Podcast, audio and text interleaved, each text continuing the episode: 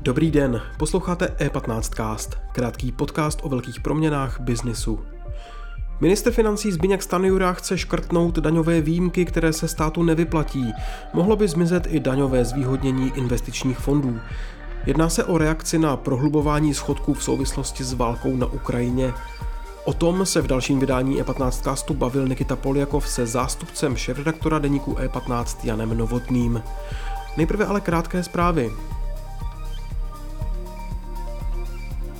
Budoucí bytový komplex v Brownfieldu Kohinor v pražských Vršovicích získal základní obrysy. Developer PSN postaví v čerstvě opuštěném továrním areálu zhruba 580 bytů určených hlavně k prodeji a na 4000 metrů čtverečních komerčních ploch pro obchody a služby.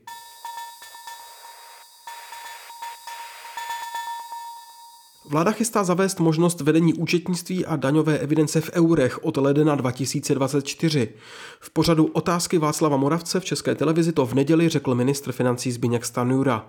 Firmy by pak mohly platit daně v eurech.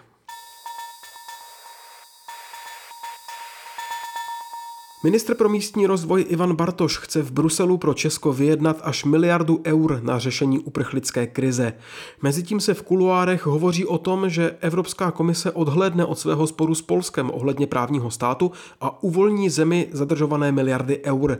Severní soused čelí největšímu náporu lidí prchajícími před válkou v celé Evropě. Další zprávy najdete na e15.cz. Teď je čas na rozhovor Nikity Poljakova dnes s Janem Novotným.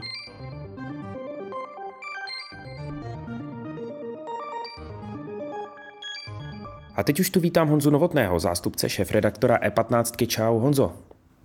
Ahoj Nikito.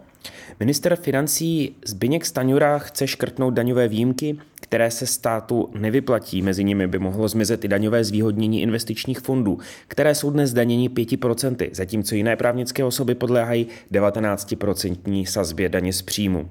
Jedná se na reakci prohlubování schodku v souvislosti s válkou na Ukrajině a nízkým hospodářským růstem země, nebo proč se k tomu minister financí uchyluje? Dá se říct, že Stanjura vlastně mluvil o eh, škrtání eh, daňových výjimek už před volbami, stejně jako eh, Alena Šilerová z Nutí Ano a tehdejší kandidát starostů na tento post Vyslav Michalik, ale, starost, ale Stanjura vlastně nikdy přesně neřekl, kolik, kolik peněz by se z toho dalo vybrat v jeho pojetí a vůbec už nezmiňoval nějaké konkrétní příklady. S tím přichází až teď, e, zmiňuje konkrétní příklad zdanění e, investičních fondů. E, celkově by tím škrtáním daňových výjimek chtěl získat zhruba kolem 10 miliard navíc do rozpočtu. Jasné, že v této situaci jde i o tu reakci na, na tu aktuální válečnou situaci, protože kvůli ní se očekává, že, že hospodářský růst letošním roce může, může klesnout až, až k nule. Mm-hmm. A o tom o nulovém hospodářském růstu a, a, a možné hrozbě stagflace vlastně minulý týden um, hovořil i guvernér České národní banky Rusnok. Uh, I investiční fondy e, platí 5% e, daně z příjmů a nevíš, kolika procenty by se měly ty investiční fondy teoreticky nově zdanit? Stanura mluví o tom, že e, běžné právnické osoby daní, eh, daní 19%, zatímco eh, investiční fondy pouze 5%. Eh, Jedná se o ten, o ten takzvaný základní investiční fond, který je takhle daňově zvýhodněn. Z toho vyplývá, že debata je otevřená vlastně i tak do široka, že by se mohlo vlastně to, to zdanění eh, těch investičních fondů až ze čtyřnásobit na těch 19%. To je ve hře, to Stanjura připouští.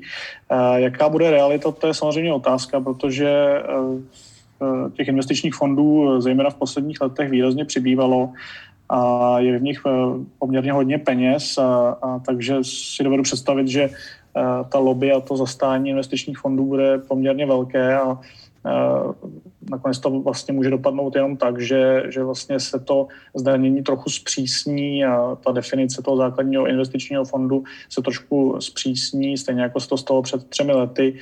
Je možné, že se nakonec, že nakonec dojde prostě k nějakému kompromisu, protože takto, takto vysoké zvýšení zdanění těch investičních fondů by jistě na tom kapitálovém trhu vyvolalo obrovskou, obrovskou negativní odezvu v investičních fondech nebo v investicích obecně na kapitálových trzích je eh, hodně likvidity a, a i vzhledem k tomu, jaká je inflace, tak si dovedu představit, že jí bude přibývat. Kolik může tímto do státní kasy Stanjura vybrat? Bavíme se o miliardách korun navíc. A teď se bavíme čistě o těch eh, investičních fondech. Já vím, že jsi říkal o 10 miliardách celkem. Hmm, hmm.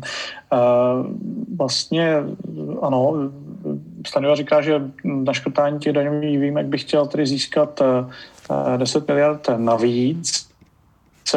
Když vezmeme zdanění právnických osob jako celek, tak eh, tam stát loni získal 200 miliard.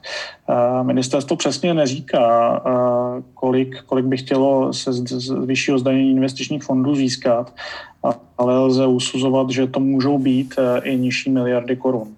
Uhum. A ještě otázka uh, ohledně dalších daní.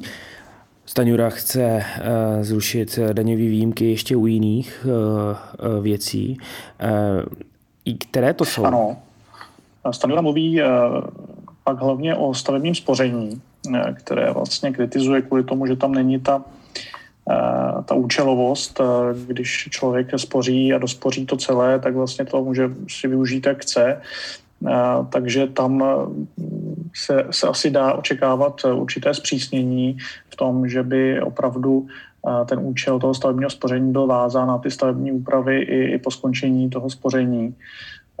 A nebo by se to celé spoření nějak přejmenovalo a ta státní podpora by se snížila. Takže i tady v těch výdajích státu a ten typ spoření lze očekávat nějaké úspory do budoucna.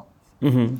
Honzo, uvidíme. Uvidíme, s čím ministerstvo financí přijde. Díky moc za tvůj čas. Měj se hezky. Taky děkuju. Měj se, ahoj. Díky za pozornost. E15cast můžete poslouchat ve všech podcastových aplikacích a na webu e15.cz.